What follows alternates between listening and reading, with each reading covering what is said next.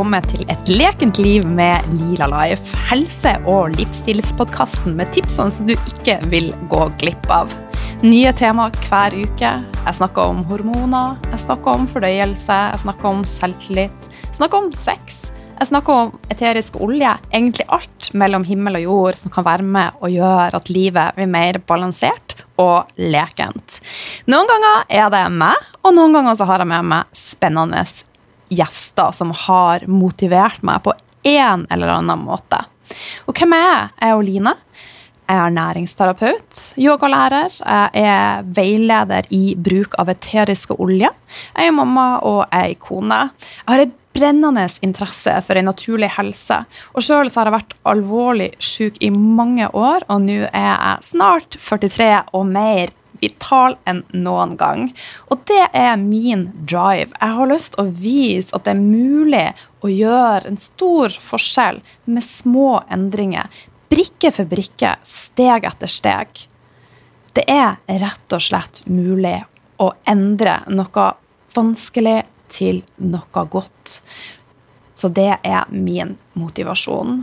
Jeg blir kjempe, kjempeglad om du deler eh, podkasten min med kjente og kjære, og jeg håper at du får masse læring og utbytte av eh, et lekent liv med Lila Life.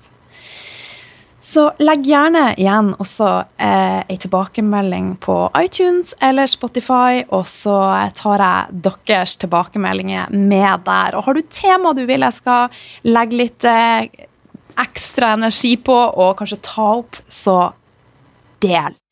Jeg må si jeg er like glad hver gang jeg har æren av å ønske han Jens velkommen på podkasten. En av drømmegjestene mine, og han er ekstremt etterspurt. Det som kommer eh, ukentlige meldinger. Når kommer han Jens tilbake? Og hurra, the man is back on et lekent liv med Lila Life. Så gøy, ja. Og for deg som ikke har møtt han Jens, han er ernæringsterapeut. Han er utdanna på Institute for Optimum Nutrition in London. Mm. Eh, og er hovedlærer i ernæring på Tønsberg medisinske fagskole. Og jeg var så heldig å ha han som min lærer. Så det er fantastisk. Hjertelig velkommen, Jens. Tusen takk skal du ha. Aller først, Jens, hvordan starta du dagen din i dag? ja, jeg starter jo vanligvis dagen med kaffe, jeg, da. Ok. Og, eh, Svart kaffe? Eh, nei, jeg har, eh, jeg har gjerne litt smør, og jeg har litt MCT-olje oppi, og pisker det sammen. Og et par sånne kopper, så har jeg egentlig det jeg trenger for lang tid. Det er Det har vist seg at det, det holder meg mett lenge. Og nå har jeg jeg har nylig vært i Frankrike og kjøpt med meg 2,5 kilo med upasteurisert smør fra Normandie. Oh my god. Ja, Som jeg nå har delvis i kjøleskapet og delvis i fryser. Å, deilig. Ja, og, og, dette er det som På markedet der eh, nede, Jeg har en kusine som bor i Sør-Frankrike, som har vært nede og besøkt så er det Det er jo for det første en opplevelse å gå på det markedet og se alt, alt det tilbudet som de har rett utenfor døren mm. to ganger i uka. Mm. Så vi må lete land og strand rundt? Ja, ikke bare det, men vi må lete, og så er det jo bare litt her og litt der. Det er alt sammen samlet på innenfor 300 meter. Mm. Så, ja, så, det er fantastisk. Og det er, det er, et nydelig smør. Jeg kjøpte for et par år siden også, når jeg var der nede. Så um, jeg må reise ned der av og til for å hente smør. det blir dyrt smør. Nei da, det er billig. Det er veldig billig smør. Men, eh, Så du starta med denne kaffen. Når spiser du ditt første måltid, da? Sånn ja, det, tyggemåltid? ja, det varierer veldig. Eh, det har litt med hvordan dagen er, men eh, det er sjelden jeg spiser noe før ved tolvtiden. Mm. Har du spist noe nå før du kom nei, hit, da? Nei. Så jeg er nødt til å gi deg mat etterpå? Det er du. Ja. Det skal vi gi en stor glede. Eh, tidligere på podkasten har jeg og du snakka om fordøyelse, vi har snakka om avhengighet, og praten han går når jeg og du møtes, sånn at vi har også snakka om masse annet. Det pleier ikke å være vanskelig å finne noe å prate om, og det, det, det, det tar sin egen vei. Ja. når man begynner. Så det er alltid interessant. Og det er jeg veldig fan av i livet generelt, å faktisk bare ha et åpent sinn. For da har vi de beste samtalene til. Ja, det er helt riktig. Altså hvis det er for, for nøye satt opp, så blir det bundet. Det er akkurat samme som når du holder et foredrag. Hvis du står og leser et manus, så dør jo de som hører på. Ja. Bra innspill. Men det som jeg har lyst til å fokusere på i dag, primært da, er kosthold og trening. I forrige episode så hadde jeg med meg Martin Eng, som har vært eh, profesjonell skiskytter i mange år, og vi prata litt om det kostholdsopplegget som de har hatt med eh, hovedsakelig karbohydrater og eh, et veldig svingende blodsukker, og dette påvirka Martin si helse uten å egentlig skjønne helt hva som førte til hva. Men store spørsmålet er er det en myte at man trenger å spise masse karbohydrater for å trene? Ja, det tror jeg vi kan si. Eh, nå, eh, nå er det jo helt sikkert sånn at eh, behovene er forskjellige fra et menneske til et annet. Sånn at å, å, gi noen råd om at du skal spise 50 gram karbohydrater per dag, det holder når du driver idrett, det blir veldig vanskelig.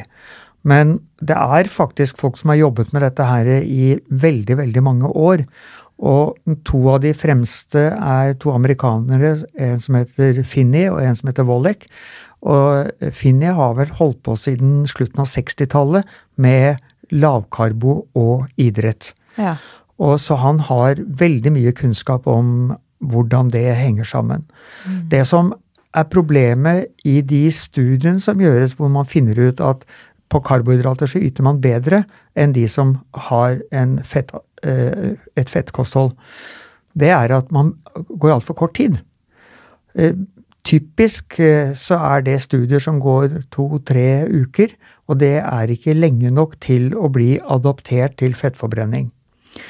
Nå er det viktig å huske på én ting, og det er at hvis man skal ha 100 ytelse, si, si, du skal løpe 200 meter, mm. så nytter det ikke å satse på fett som drivstoff. Det, fordi at den turboen vår er karbohydrater. Mm.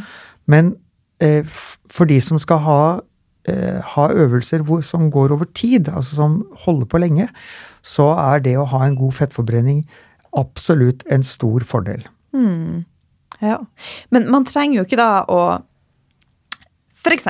hvis du skal springe 100-meteren, som du nevnte. Man trenger jo ikke da å innta ei cola eller spise loff. Det finnes jo smartere karbohydrater å innta som likevel er rask. Stemmer ikke det?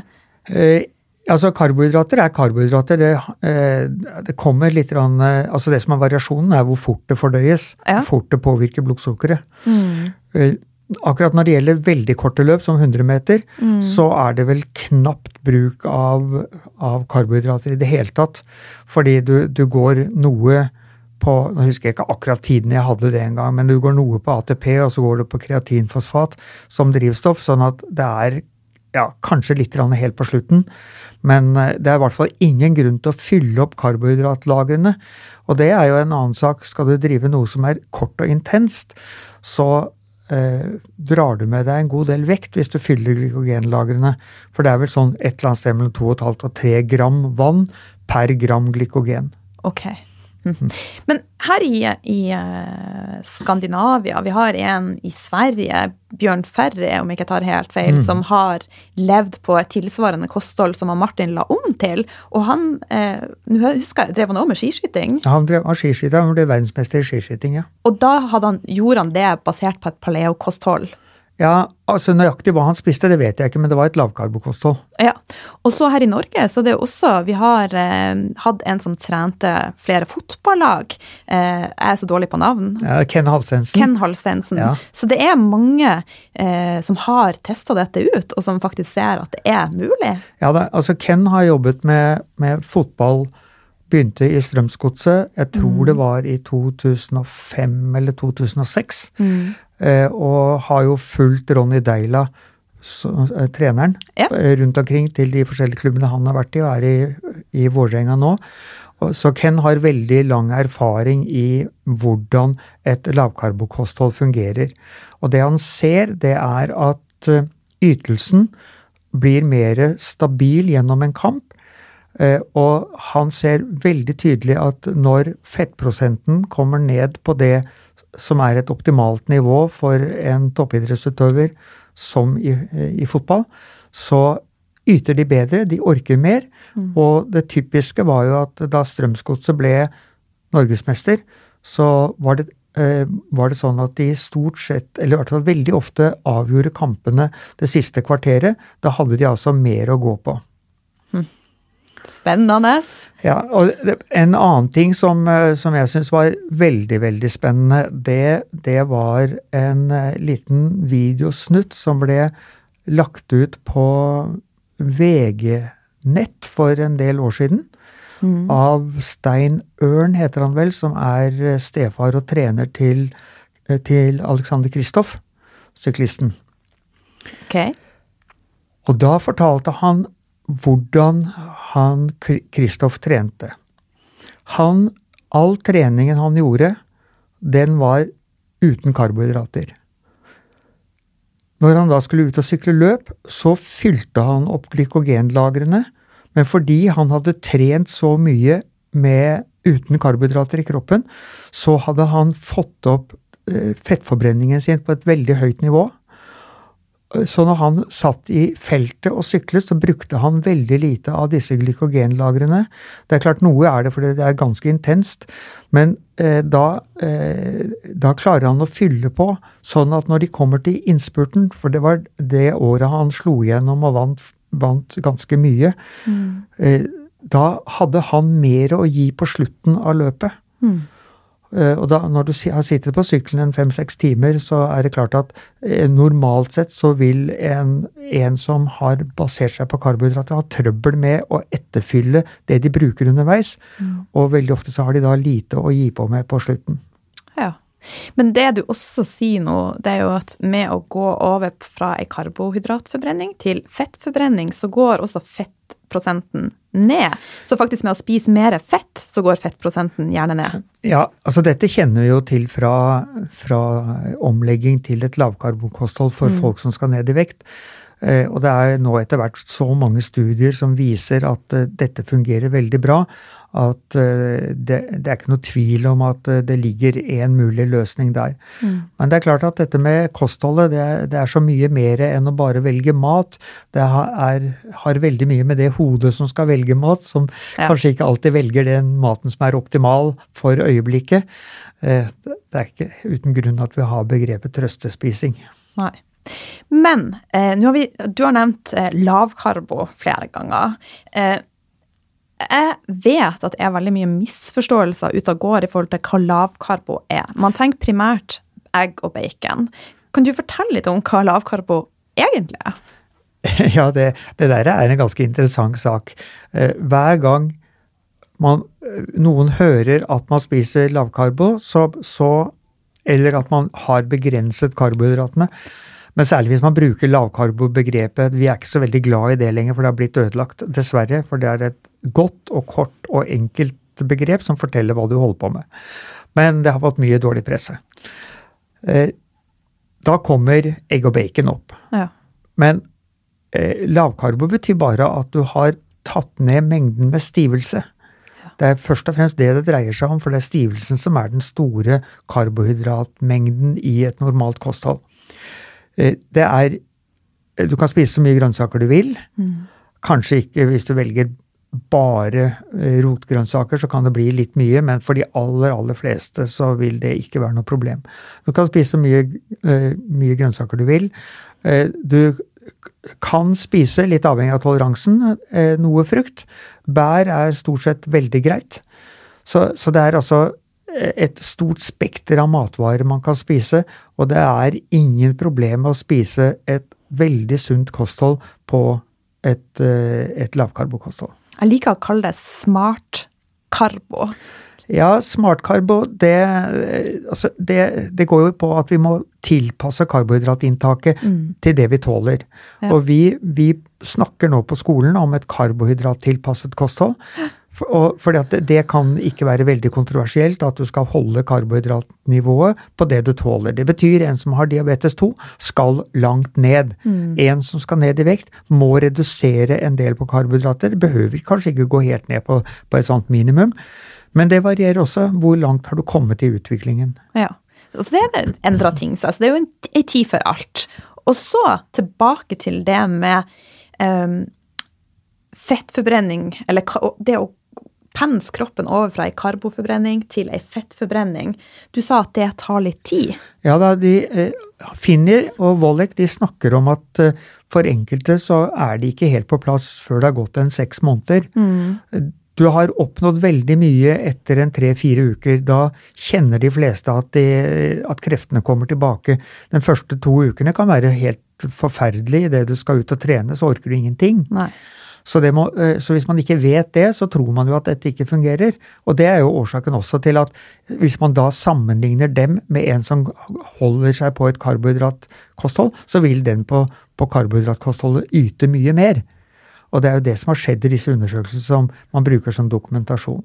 Men etter noen måneder eh, så begynner man å ta igjen det. Og det er interessant å se hvor mye man orker uten å og, og, behøve spise. Og jeg vet at eh, det, Vi snakket vel med en syklist som hadde syklet Trondheim-Oslo uten å spise. Bare drukket vann. Hvor mange timer er det?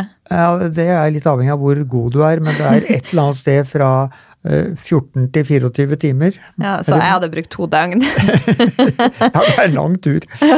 Og det er eh, merkelig nok alltid motvind, har jeg hørt. Eh, og det er også, jeg vet også om eh, folk som har gått Vasaloppet f.eks., ni mil på ski, uten å spise noen ting, bare drikke vann. Mm. Så det er, det, er, det er, absolutt mulighet. Selv prøvde jeg for eh, Jeg var i Spania, og der har jeg en sånn fjellrunde som er ganske kupert, ganske, ganske tungt. Det er ikke veldig høyt, men det er ganske tungt. Hvor, hvor jeg bruker ca to timer på den runden. Og da, eh, da, gikk jeg den uten å ha gjort annet enn å drukket bare én kopp svart kaffe på morgenen. Mm. Ikke noe annet. Hadde jeg med en halvliter vann, og så gikk jeg den runden uten å merke noe problem i det hele tatt. Ja. For de som følger meg i sosiale medier, så vet dere at jeg er i fjellgeit, og jeg har aldri med meg mat på mine fjellturer. Og jeg kan godt gå både tre og fire timer med noe i forkant innabords. Men hva er forskjellen på ei karboforbrenning kontra fettforbrenning, for noen som ikke skjønner hva vi prater om? Ja, Den største forskjellen er at eh, vi har ubegrenset av energi som fett. Nå bør du ikke ta det som en fornærmelse. For, fordi at eh, fett inneholder så mye energi at eh, ja. du, Hvis du si tar ti kilo, så er det sånn 8500-8000 ja, sånn rundt 80, 80 000 kalorier. Eh, fordi det er 8000 kalorier i ett et kilo med fett på kroppen. Og, og, da skjønner du at 80 000 kalorier du kan holde på en stund da uten egentlig å gå tom. Karbohydratlagrene derimot er ganske små.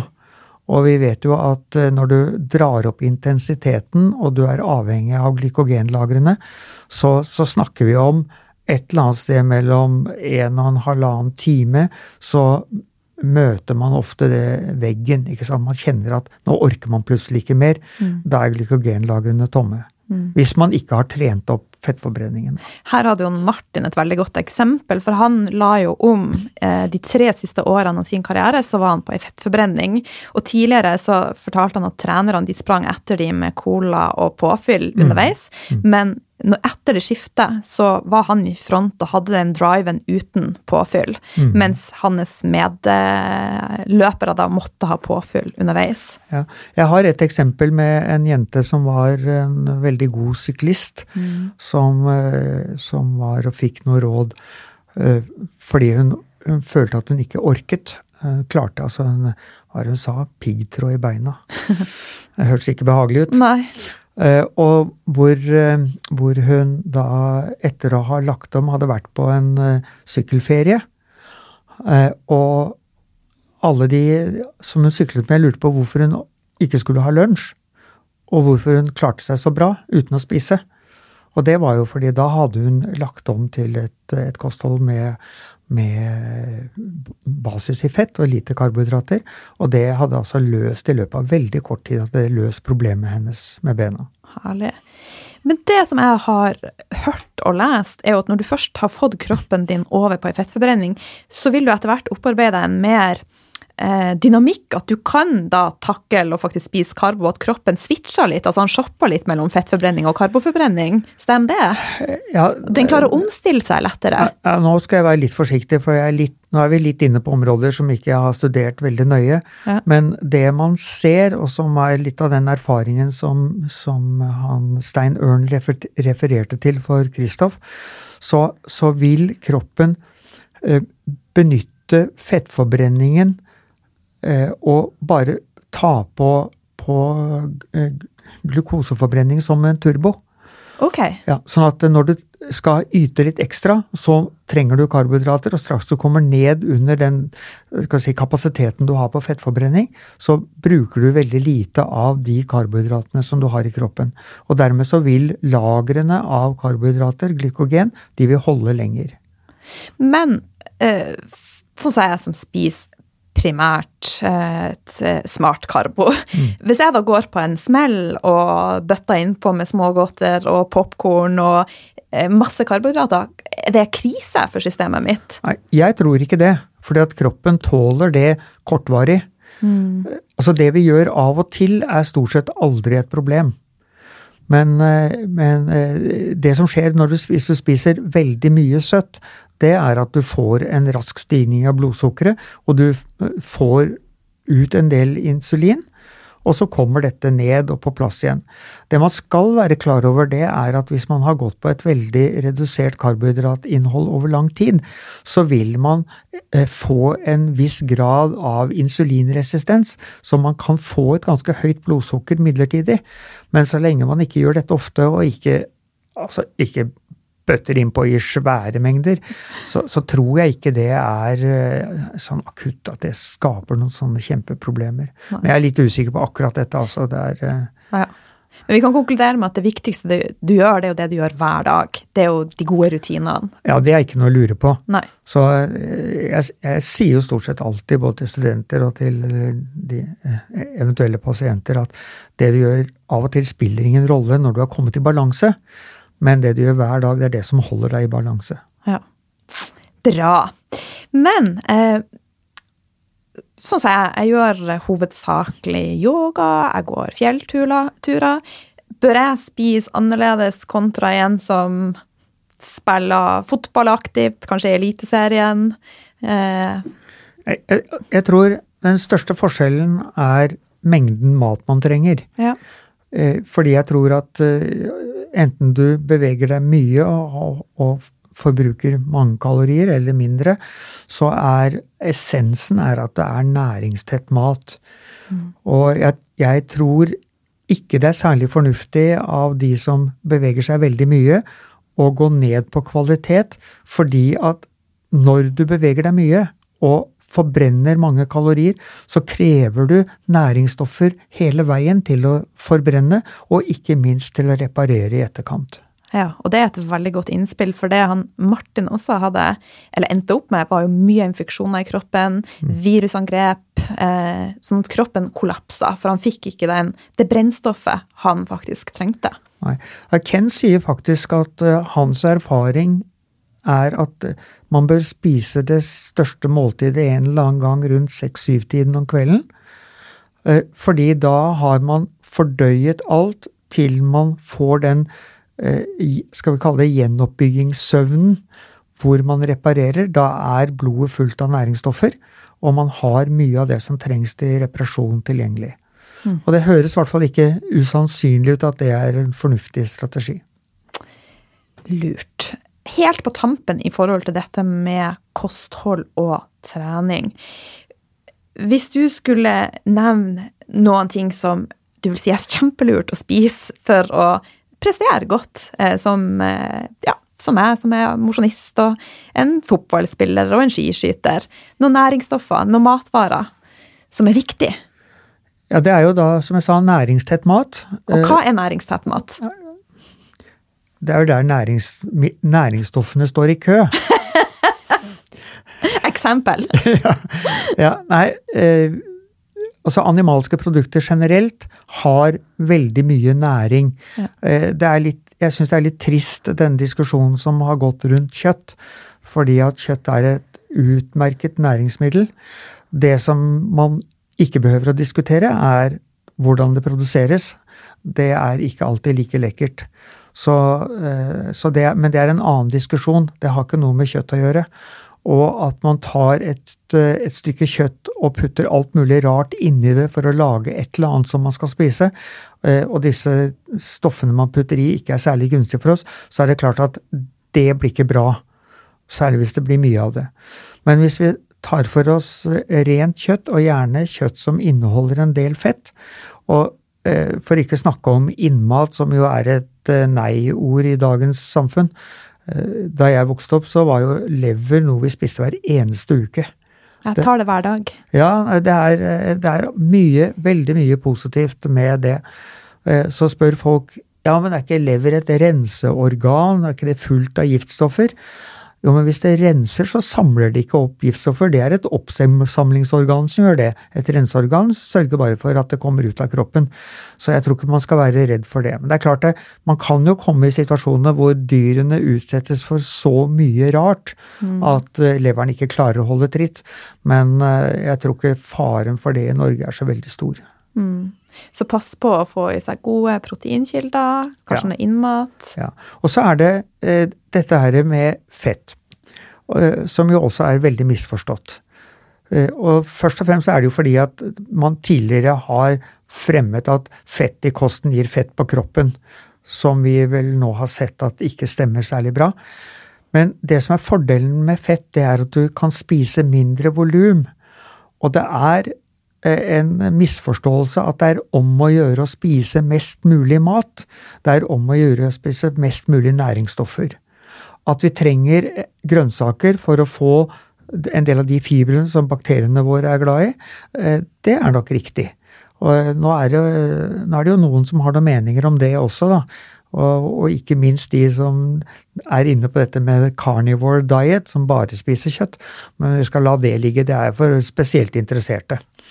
Men, men ellers er det så å spise eh, grønnsaker, og da er jo gjerne de litt tyngre grønnsakene som brokkoli, blomkål, eh, en del av rotfruktene inneholder ikke så veldig mye karbohydrater, kan absolutt inkluderes. Søtpotet. Og det er, altså det, er, det er massevis av matvarer som inneholder mye næring. Og jeg anbefaler jo alltid at man skal, så langt det går, bruke økologisk. Men det er litt vanskelig enkelte steder, og det er ikke alle butikker som er like flinke til å ta inn det. Så da må man spise det beste man kan. Ja. Det handler det alltid om å gjøre det beste ut av de, Ja, ja, ja. det man har tilgjengelig. Altid. Men én ting som jeg er veldig glad i, er avokado. Eh, og der har jeg hørt at det faktisk ikke er så stor forskjell. Altså Hvis du ikke får tak i økologisk avokado, så er ikke det krise pga. skallet. Nei, den største krisen med avokado er produksjon. Ok? Ja, nei, det var en stor artikkel, eller om det var i Aftenposten her Jeg tror for- kanskje ikke jeg vil høre det her. Ja. Nei, hvor, hvor det, det var ganske mange spørsmålstegn rundt den avokadoproduksjonen, altså der hvor de dyrker det. Åh. Ja, så, men, Men eh, vil det være bedre da å velge økologisk? Ja, det kan jeg ikke svare på. Jeg Nei. kjenner ikke sånn til detaljene. Mm. Men økologisk, eh, der ligger det alltid noen andre rammer rundt.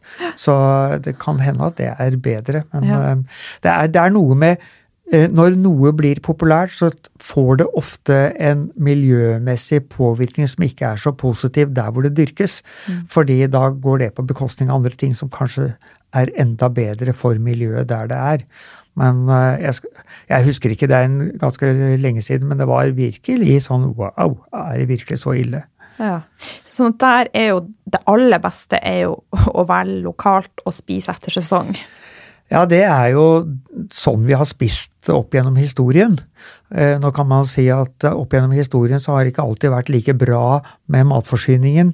Og sult har nok vært et uh, rimelig heftig problem mange steder rundt i Norge, særlig på vinteren. Så vi, vi skal ikke i, i, lage et ide, sånn idealbilde av det. Nei. Men eh, det å spise så mye lokalt som mulig etter sesong er alltid et eh, veldig godt poeng. Men Jens, helt på slutten, trener du sjøl, og hvorfor? Hvis du gjør det. jeg trener Jeg har, altså jeg har vært Noen hevder et nokså hyperaktivt barn. Den, den på, på, oppmerksomheten har nok Den har vært litt innadvendt, for å si det sånn. Jeg kunne bli borte i mine egne tanker. Men, men jeg har vært veldig aktiv. Og begynte å Jeg gikk på ski, og jeg hoppet på ski som barn. og og som var det vel som 15-åring, så begynte jeg organisert med håndball. Og spilte håndball til jeg var over 40, jeg var vel 41-42 når jeg ga meg på et sånn rimelig greit nivå. Eh, og etter det så har jeg jo trent eh, Jeg gikk jo på idrettshøyskolen en gang, for det var en drøm, og tok grunnfag der i 1980. 80-81, var det det? Eh, og da, etter det ble jeg glad i å løpe. Og, og har løpt veldig mye. Og jeg er, ikke, er nok ikke Kondisen er ikke hva den var, men jeg er fortsatt ute jevnlig og trener, prøver å trene to-tre ganger i uka. Men hva er det som gjør at du vil trene? For, jeg, for å motivere andre? Hva er det så bra med trening? Nei, det, For meg så er det jo begynner å Det er grenser jeg skal ikke si en avhengighet, som vi snakket om sist, men, men det er Jeg føler meg ikke vel hvis jeg ikke får beveget meg. Så, så, det er rett og slett at, at det, er, det, er, det er en drive i meg som sier at jeg må trene, og jeg liker å trene. Jeg syns det er deilig. Det, hvilke følelser får du frem i kroppen når du nei, trener? Nei, det er for det første det å, å, å slite litt. Det, det syns jeg er ålreit. Og så er det og denne følelsen etterpå hvor man slapper av i kroppen og har det veldig bra. Så jeg syns det er fint. Og så er det noe som jeg selvfølgelig også er opptatt av. Det er jo at vi vet at idet du passerer 35-40, så begynner muskelmassen å forsvinne hvis ikke du vedlikeholder det. Og faktisk så tror jeg at mange gamle som ikke klarer seg selv, de klarer seg ikke selv, for de har rett og slett ikke muskler til å gjøre de daglige gjøremålene. Mm. Så det å trene, og trene noe vekter for alle, og særlig for dere jenter som egentlig ikke er så veldig glad i vekter, så er det kjempeviktig å gjøre litt av det. Man kan finne mange muligheter. Det må ikke være gå på et helsestudie og stå der sammen med bolerne, men eh, det er, eh, det er mange andre varianter for å bruke kroppen. Mm. Jeg har vekter faktisk i kjelleren, sånn at jeg legger inn to-tre økter i uka, men maks 20 minutter. Ja, men det er kjempelurt, og, og, det er en annen ting at det å trene lenge har man jo funnet ut at eh, det er ikke så gunstig. Det er bedre å ha litt korte og intense økter. Mm. Også det å faktisk bare gå seg en tur, og det å bare være i bevegelse er det viktigste.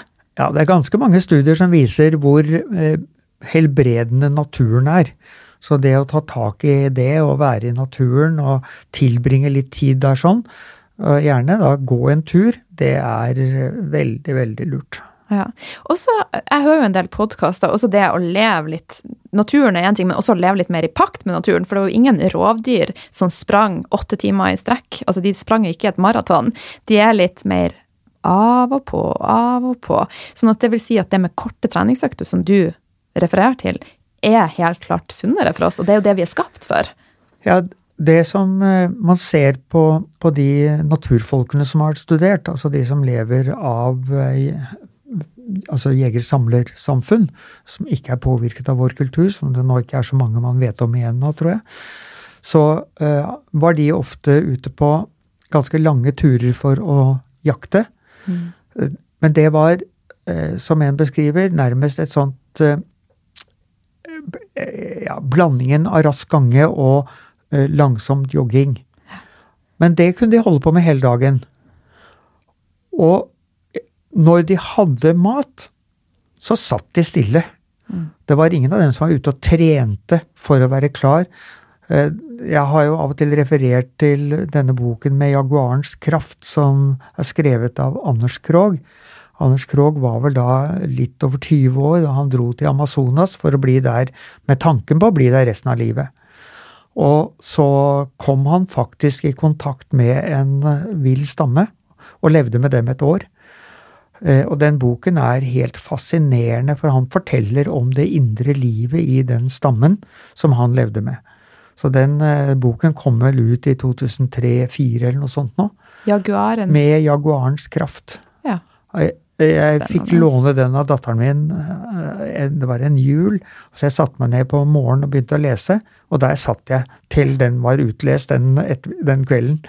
Wow. Så spennende var den, syns jeg. Ja. Mm.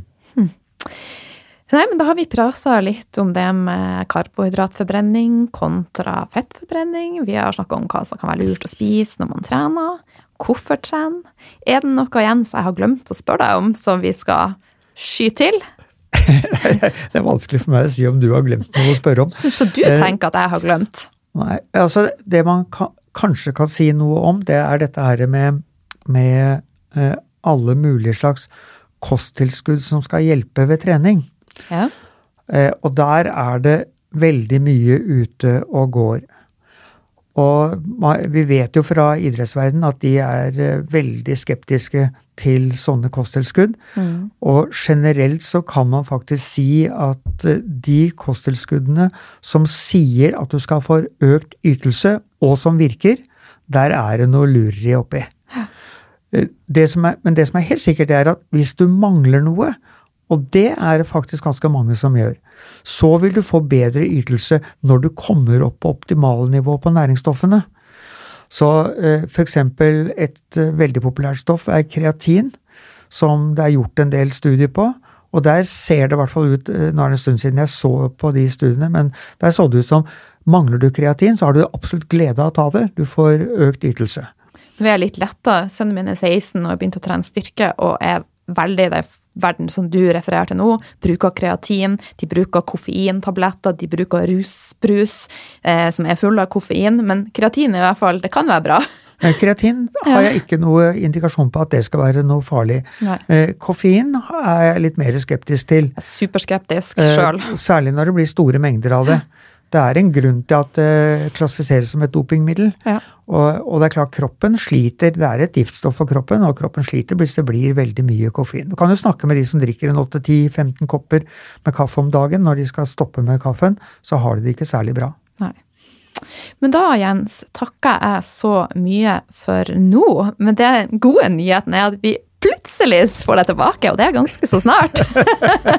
og da skal vi snakke om stress. Det skal vi. Yay! Vi hørs.